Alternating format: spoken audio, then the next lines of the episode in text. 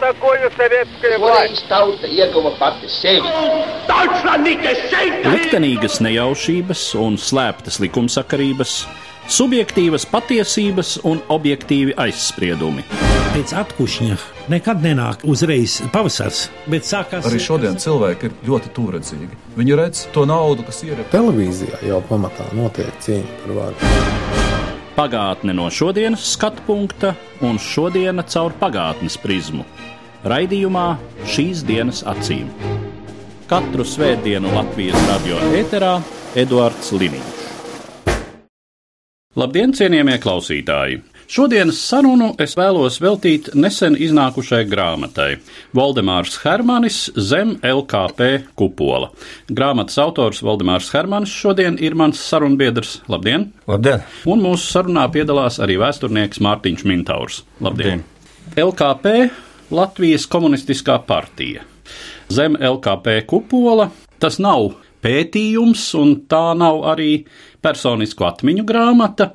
Tas ir tāds, es teiktu, portrets skiču apkopojums, kur ir izvēlēta virkne personību, caur kurām tad eh, jūs raugāties uz to, kas bija Latvijas kompartija. Aptverts pēc iespējas ir patiešām viss posms kas arī iezīmēts grāmatas apakšvirsrakstā ieskats Latvijas komunistiskās partijas līkločos 1945, 1991, kas bija tie izvēles kritēriji, izvēloties savus personāžus. Jānis Jurgens, Vilis Krūmiņš, Edvards Berklaus, Mihails Stepičevs, Alfrēds Čepānis, Mārīta Rukmana, Jānis Vagrs, Alfrēds Rubiks un tā tālāk. Te jāsāk no tā brīža, kad Jumavas vadītājs Juris Visockis mani inicēja kaut ko uzrakstīt par Latvijas kompartiju, par šo periodu, bet kādā veidā to izdarīt, tas bija manā ziņā. Un tad es nonācu pie tā, ka tāpat kā politiku izstāsta bieži vien vislabāk caur personāliem, tā arī varbūt šo kompartijas funkcionēšanu varētu izstāstīt ar konkrētiem cilvēkiem. Zinām, iestrāde tam bija. Es ar lielāko daļu no šiem cilvēkiem tā vai citādi biju sastapies, teiksim, cīņas redaktors Jānis Britāns, Vīls Krūmiņš. Es it kā jūtu pamatu, uz kā balstīties, bet es sapratu arī to uzstādījumu 1945. 1991. gads, ka pat nestingri strukturējot visus šos posmus, tomēr ir jāpastāsta par pēckara periodu, jāpastāsta par nacionālu komunistu uznācienu. 1959. gads tas jau vairs nav uznāciens, tas ir inkvizīcijas posms pret viņiem, un jāpastāsta arī, kāpēc šī partija sašķēlās un kas ar to notika atmodas posmā. Es lielā mērā vadījos no Ulda ģērmaņa īsā moto vienam rakstam neatkarīgajā cīņā, tas ir 1995. gada mājas, neizbēgama pagātne.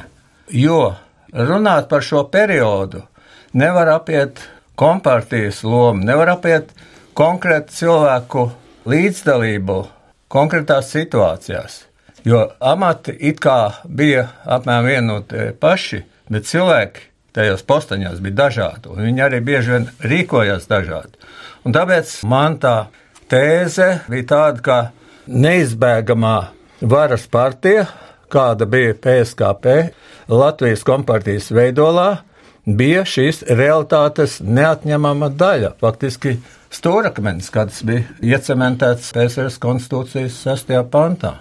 Citiem vārdiem, ja neskaita tādus specifiskus, marginālus gadījumus, tad sekmīga karjera padomi Latvijā bez dalības kompartijā īsti nebija domājama. Specifiski gadījumi varēja būt talantīgs sportists, talantīgs skatuves mākslinieks. Mākslinieki bija, jā, jā. zinātnieki pat bija, jo Zinātnieki. viss nevarēja uzņemt vienkārši. Bet droši vien ne institūta direktors. Droši vien ne teātra galvenais režisors. Mans tēvs arī bija kompartijas biedrs, jo bez tā viņš diezin vai būtu varējis vadīt Dailas teātri kā galvenais režisors. Tādēļ arī gribu Mārtiņam jautāt, cik šī situācija šodien sabiedrībai ir saprotama un kāpēc? Es domāju, ka šodien sabiedrībai tā situācija patiešām nav īsti saprotama, tāpēc, ka pirmkārt ir pagājis laiks un ir pagājis laiks tādā nosacīta klusuma periodā, kad pēc valsts atjaunošanas šis jautājums par to, kas tad bija Latvijas komunistiskā partija kā okupācijas režīms stūrakmens, kā teica Hermaņkungs, un kas tad bija atkarīgs no šīs vienīgās un galvenās varas partijas, tas jautājums kaut kā nekļuva aktuāls vai netika padarīts par aktuālu jautājumu, un līdz ar to es pilnīgi piekrītu tam, ko Hermaņkungs iepriekš teica par šo neizbēgamo pagātni, par šo Ulda ģermaņa formulēto tēzi, jo tas, ka šobrīd iznāk šāda grāmata un ka arī vēsturnieku pētījumi par Latvijas kompartijas lomu Latvijas pēckara vēsturē ir publicēti jau iepriekš, bet tagad tiek arī aktualizēti. Mēs to redzam arī šajā grāmatā, kur ir vēsturniece Daina Blēra devusi savu artavu un, un piedalījusies arī sarunā un, un izstāstījusi daudzas tādas lietas, ko paši šīs grāmatas varoņi, ja mēs viņus tā varam dēvēt, eh, dažkārt ir apgājuši sev vien zinām iemeslu dēļ. Tie ir jautājumi par motivāciju, par iestāšanos Latvijas komunistiskā partijā un tam līdzīgi. Tāpēc es domāju, ka šie jautājumi ir svarīgi ne tikai dažiem pētniekiem, ne tikai pašiem bijušiem komunistiskās partijas funkcionāriem, kur arī varētu, protams, būt dažāda reakcija un atbild uz to, vai viņiem šie jautājumi ir svarīgi vai nav.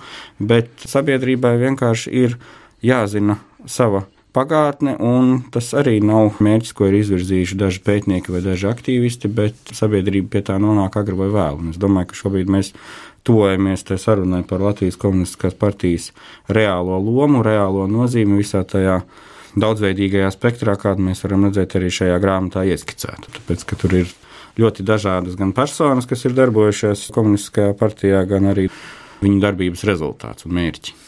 Pirms mēs turpinām aplūkot to problemātiku, kurai šajā gadījumā patiešām jāsaka pieskaras šī grāmata. Tad uh, gribu mazliet provocēt uz kritiku autora klātbūtnē par šo grāmatu, cik tev kā vēsturniekam tā šķiet nozīmīga. Kā vēsturniekam, man tā šķita un šķiet joprojām interesanta grāmata, bet es arī teikšu autoru klātbūtni atsaucoties uz provokāciju, ka es nedaudz vīlos lasot tos stāstus, ko paši 70. un 80. gadu kompartijas funkcionāri par sevi ir stāstījuši, es domāju, ka tas arī ir pietiekami zīmīgi, jo vīlos ne tāpēc, ka es cerēju sagaidīt kaut kādas sensācijas, atklāsmes vai kaut ko tam līdzīgu, bet kā vēstures avots šī grāmata ļoti labi parāda to, attieksmi, kāda ir bijušo funkcionāru vidū pret savu personisko pagātni un savu politisko pagātni. Mēs ļoti labi redzam šajā grāmatā, kā bijušie ne tikai vidējā, bet arī samērā augstu un pat augstākā ranga funkcionāri konstruē šodien to stāstu par savu lomu komunistiskajā partijā, uz kādām tēmām viņi koncentrējas, par kādiem jautājumiem labprāt runā, kādus jautājumus nepiemin vispār un no kādiem jautājumiem arī es gribētu teikt izvairās, ko grāmatas autors ir uzdevis intervijā, bet var labi redzēt, ka cilvēki tam apiet apkārt. Tāpēc šī grāmata patiešām ir interesanta tieši kā signāls, kā zīme tam, kā šie cilvēki skatās uz savu pagātni un ko viņi tajā grib un ko viņi negrib tajā redzēt ka viņi varētu būt atklātāki teiksim, par to, kā cilvēks kļūst par rajonu sekretāru, kas ir interesanti tieši tāpēc, lai mēs saprastu to sistēmu. Jo šie cilvēki ir padomju varas sistēmas, padomju administrācijas sistēmas ne tikai sastāvdaļa, ja tā drīkst teikt, bet arī šīs varas realizētāji. Jā, tā ir ētiska vilšanās, Jā, tieši tā. Intelektuāla. Cik interesants jums bija tieši šis moments, veidojot grāmatu? Var jau teikt, ka es pats tur biju iekšā, Patiesi es biju cīņas redakcijas partijas pirmā organizācijas sekretārs dažus gadus, tiku deleģēts uz Ļeņģeradas rajonu kā šīs komitejas loceklis.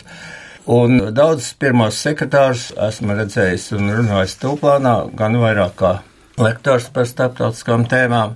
Tā kā man tā bilde lielās līnijās bija diezgan skaidra un vēl nepazudusi. Bet mazliet es gribētu kolēģi Mārtiņu Mintauru Koriģēt tajā nozīmē, ka tur ir drīzāk līdz galam nepateiktais, jo es tomēr uzrunāju krietnu kopu diezgan vadošu komunistu. Daži atteicās diezgan saprotamu iemeslu pēc, un man nevarētu būt nekāda pārmetuma par to, kā savu atteikumu motivēja Jānis Vagris, jo mēs ar viņu kontaktējam pa telefonu bet citi atteica a priori, nekādas sarunas nebūs, un Alfreds Rubiks nebija vienīgais. Tā kā es jūtu šo nevēlēšanos runāt par pagātni, vispār vadošo kompartijas funkcionāru vidū kā tādu izteiktu iezīmi. Un tas ir diezgan simptomātiski un reizē arī nepatīkami tā ziņā, ka mēs saduramies ar kaut kādu sienu. Un Dagmāra Beitnere, kas ir recenzējusi šo grāmatu Jumavā, viņa arī pasaka, ka ļoti daudz izsaka tas nepateiktais. Nu, varbūt arī kāds mans neuzdotais jautājums. Bet, teiksim, esot pie Anatolija Gorbuno mājās, es šo atvēlēto laiku centos izmantot, lai es noskaidrotu tās situācijas, pa kurām ir tāds vispārējais priekšstats, lai viņš konkretizē, teiksim, savas attiecības ar Jelcinu un ne tikai Jakovļevs un tā tālāk. Un, ja pašā sākumā jau iedzīts stūrī ar kādu jautājumu, tā intervija varēja nenotikt. Cik lielā mērā mēs šai situācijā varam redzēt to problēmu, ap kuru, starp citu, arī man sadarbojoties ar Mārtiņu izdevumā Domu zīme, mēs šim jautājumam regulāri apaļā galda sarunās pieskaramies. Tātad šis jautājums par lustrāciju plašā nozīmē. Ne tikai kā par tehnisku vai juridisku procesu, bet Jā. par sabiedrības izjūtu un attieksmi, par sabiedrības gatavību piedot šiem cilvēkiem. Precīzāk būtu jāsaka, ļaut nožēlot grēkus. Ļaut nožēlot grēkus, jo grēku nožēlošana ir piedošanas priekšnosacījums, jebkurā reliģiskā un etiskā skatījumā. Ja? Un tāpēc tas, ko Hermanis Kungs tikko minēja, ka ir jūtama ne tikai tāda daļēja, bet visai izteikta nevēlēšanās runāt par šo pagātni no pašu tā laika atbildīgu personu funkcionāru puses, tas jau arī iezīmē to robežu, aiz kuras tad runāt par piedošanu ir samērā grūti, jo nav vēlēšanās paskatīties atpakaļ un kaut vai mēģināt izvērtēt to, kas ir darīts un kādā veidā ir darīts. Bet tas, ka ne tikai domzīmē, bet arī sociālo tīklu diskusijās regulāri tas jautājums parādās, es domāju, ka tas norāda arī uz to, ka patiešām šī saruna ir aktuāla, jo pretējā gadījumā mūsdienu informācijas plūsmā tas ātri vien tiktu nobīdīts kaut kur perifērijā un, un, un nebūtu arī šādas sarunas šodien Latvijas rādio par šo grāmatu. Sabiedrība vienkārši ir sasniegusi apmēram to situāciju, kas arī nav jauns salīdzinājums no manis izgudrots, bet kas tiešām tiešām ir vietā, kāda bija Vācijas Federatīvajā republikā apmēram 20 gadus pēc Otrā pasaules kara beigām, kad pašā sabiedrībā aktualizējās tas jautājums, kas tad ir bijis nacistu režīms, kāda ir bijusi pašu vāciešu ikdienas līdzdalība šajā nacistu režīmā. Un līdzīga situācija ir šobrīd attiecībā uz padomju režīmu un ikdienas līdzdalību, kas ietver tajā skaitā arī darbību komunistiskajā partijā ļoti dažādos līmeņos. Man pašreiz nav pie rokas statistikas datu, cik bija no iedzīvotājiem procentuāli komunistiskās partijas biedri, bet komunistiskās partijas biedru īpatsvars sabiedrībā bija pietiekami liels, un kaut arī pagājuši 20 gadi kopš šī partija oficiāli vairs nepastāv, nu mēs visi dzīvojam tajā vidē, kāda izveidojās padomju okupācijas laikā, ļoti dažādās nozīmēs. Viena no šīm nozīmēm ir arī tā mentalitātes vai dzīves uztveres nozīme, kas joprojām šobrīd šķiet, ka sāk traucēt pašai sabiedrībai, jo mēs runājam gan par nodokļu lietām, gan par valsts ieņēmumu dienestu, gan par veselības apdrošināšanu un, un tādām tēmām, kas it kā nav tieši saistītas ar šo dzīvi zem LKP kupola. Bet tas, ka šīs lietas, kuras pat ne tikai rietumvalstīs, kuras nepiedzīvoja sociālistisko režīmu, bet arī mūsu kaimiņu valstīs tuvākajās ir samērā labi atrisinātas. Bet pie mums nav. Nu, es domāju, ka tur tomēr tā astē, tā var teikt, iet diezgan stipri atpakaļ uz šo padomju laika pieredzi. Un mēs netiksim arī ar padomju laika ikdienas pieredzi galā un ar šādiem uzvedības stereotipiem, kas mūsu sabiedrībā joprojām ir raksturīgi. Tad, ja mēs nesāksim sarunu par to, ko nozīmē dzīve zem LKP kupola un kā tas viss sākās šajā varas sistēmā. Šī saruna par pagātnes izvērtēšanu mums ir ļoti aktuāla. Viss ir atkarīgs no konkrēta cilvēka nostājas. Bija Čehijas vēstnieks Tomašs Štros šeit savu periodu Rīgā, Latvijā.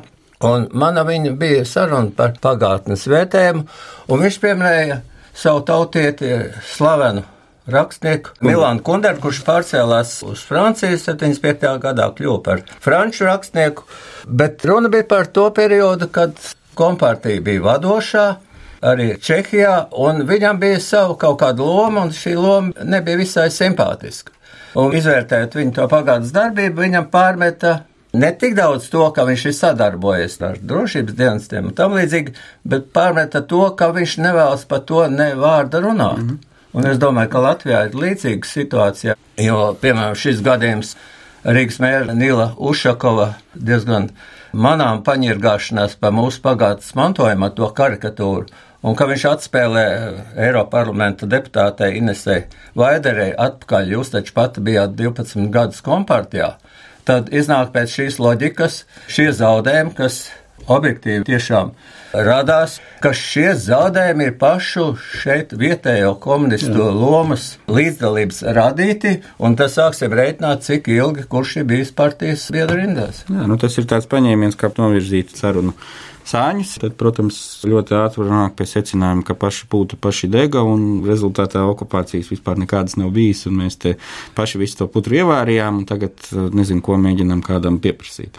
Protams, ka tā arī ir simptomātiska zīme par to, kas notiek sabiedrībā, un par to, ka arī tas jautājums, ko tu iepriekš uzdevi par lustrāciju, tad mēs ļoti labi redzam, ka nonākot līdz konkrētai sarunai par zaudējumu aprēķināšanu, kas arī ir daļa no padomju pagātnes apzināšanas un izvērtēšanas, tad uh, uzreiz ieslēdzas sarkanā signāla lampiņa par to, ka šī saruna varētu kādam kaitēt. Šī ilustrācija ir, protams, tāds apus griezīgs zobens, ja tā var teikt, tāpēc, ka tas prasa atbildību arī no pašas sabiedrības, jo tas jautājums, kas tiek uzdots vispirms kompartijas funkcionāriem un drošības komitejas pārstāvjiem bijušajiem, tas jautājums kā bumerangs atnāk atpakaļ pie paša. Tāpēc arī tā pretestība lustrācijai ir sastopama tādā ikdienišķā līmenī ne tikai no bijušām atbildīgām padomju varas personām, bet arī no cilvēkiem, kas it kā nebija augstos amatos, bet kuriem ir iestāstīts zināmā mērā, ka šī saruna ir bīstama tieši tāpēc, ka tam sekos raganu medības un baltu krustu vai citu zīmju vilkšanu uz durvīm. Gribētu teikt, ka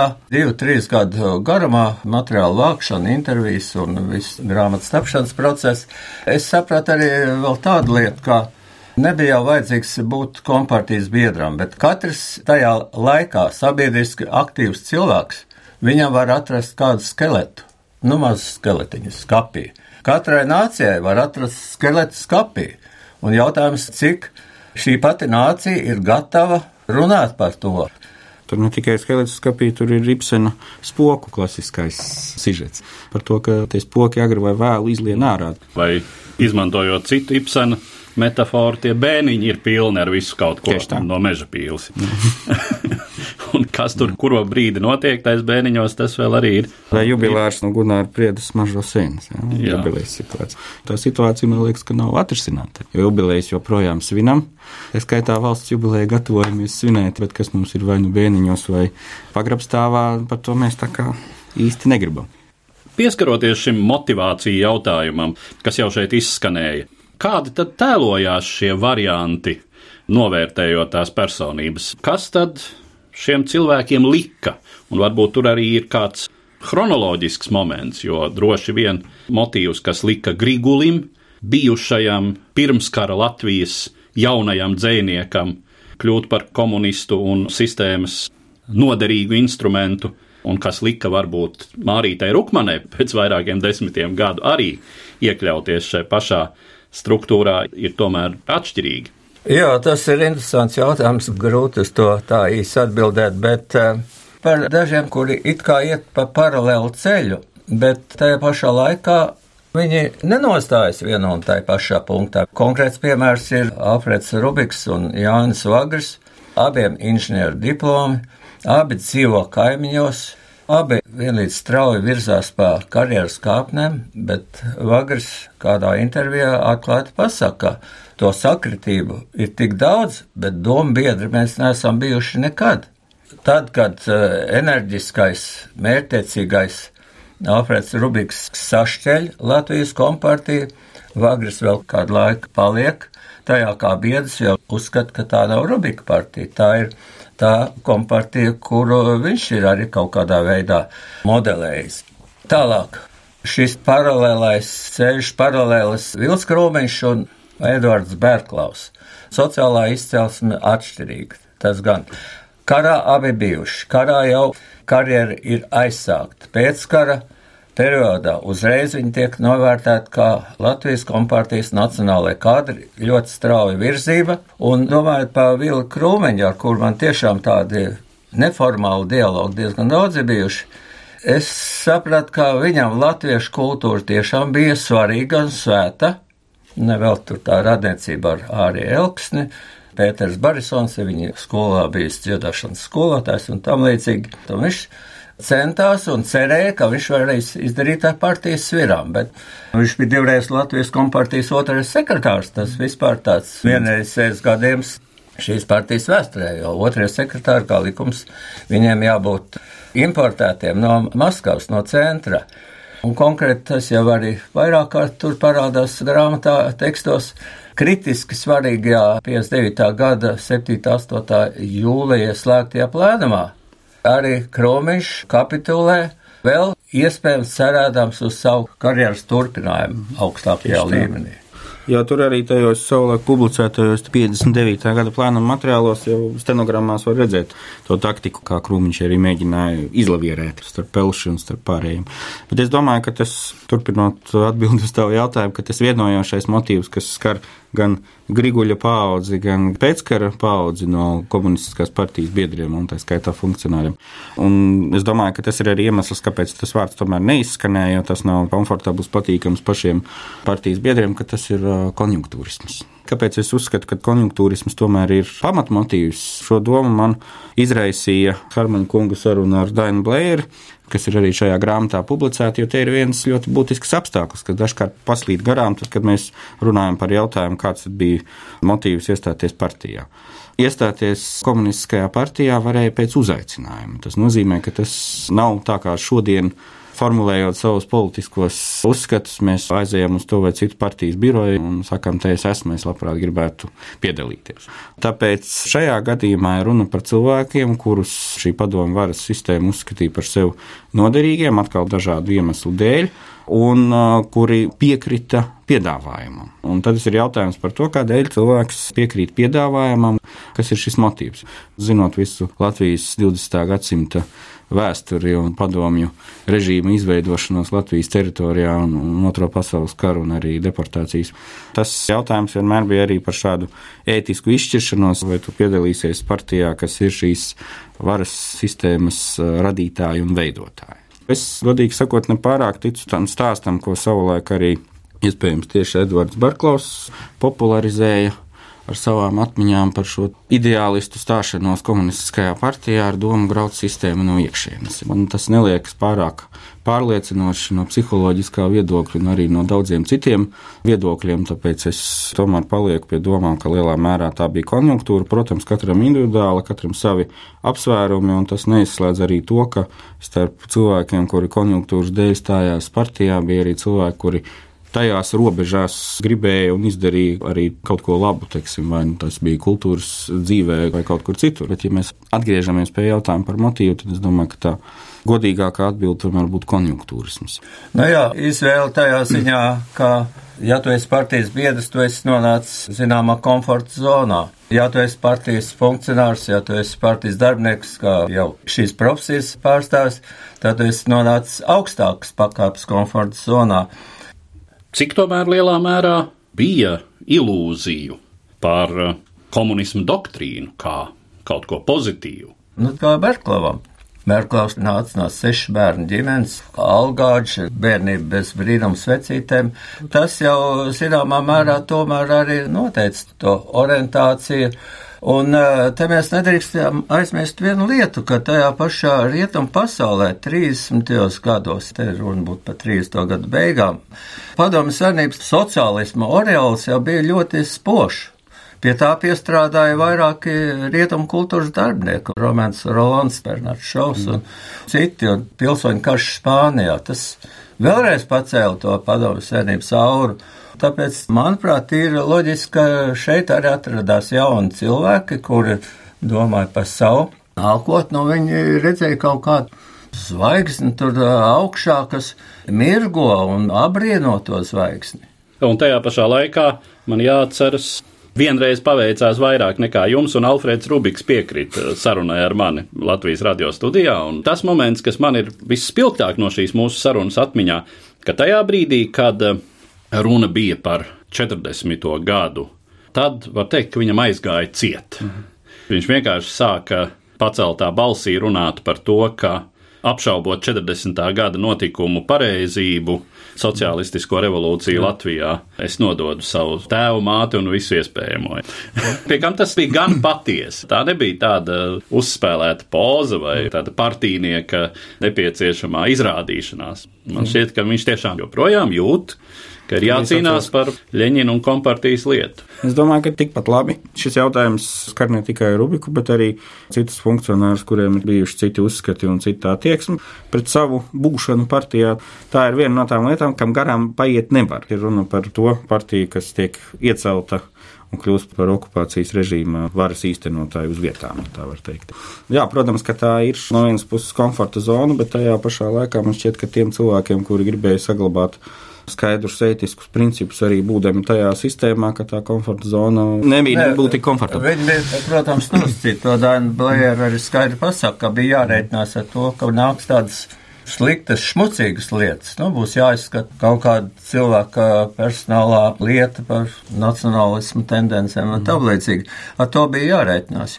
Mēs jau ap šo tēmu visu laiku šeit grozāmies, bet cik jūsuprāt, Latvijas kompartijas tikumi, paradumi, ētiskā pozicionēšanās, cik tā ir ietekmējusi šī brīža atjaunotās Latvijas republikas pirmām kārtām elites veidošanos, bet vispār mūsu sabiedrības ētisko un līdz ar to politisko noskaņojumu. Es domāju, ka tā ietekme ir ļoti spēcīga, ļoti jūtama, jo es jau Esmu pieminējis to savu veidu fenomenu. To var izlobīt no intervijas ar Antoliju Gorbanovu, kā varēja veidoties simbioze starp Latvijas kompartijas vadošiem cilvēkiem un trimdas vadošo Jā. organizāciju Pasaules brīvā Latviešu apvienībā, un pēc tam Latvijas ceļš un piektā sēma, uz kuru tiek liktas ļoti lielas cerības, bet eh, šīs cerības tiek sagrauts, diemžēl, kaut arī tur tieši trimdas pārstāvi ir ļoti daudz klāt. Mūsu jaunajā elite noteikti tas bija neizbēgami pirmajā posmā šo kompartijas nomenklatūras cilvēku klātbūtne jūtama.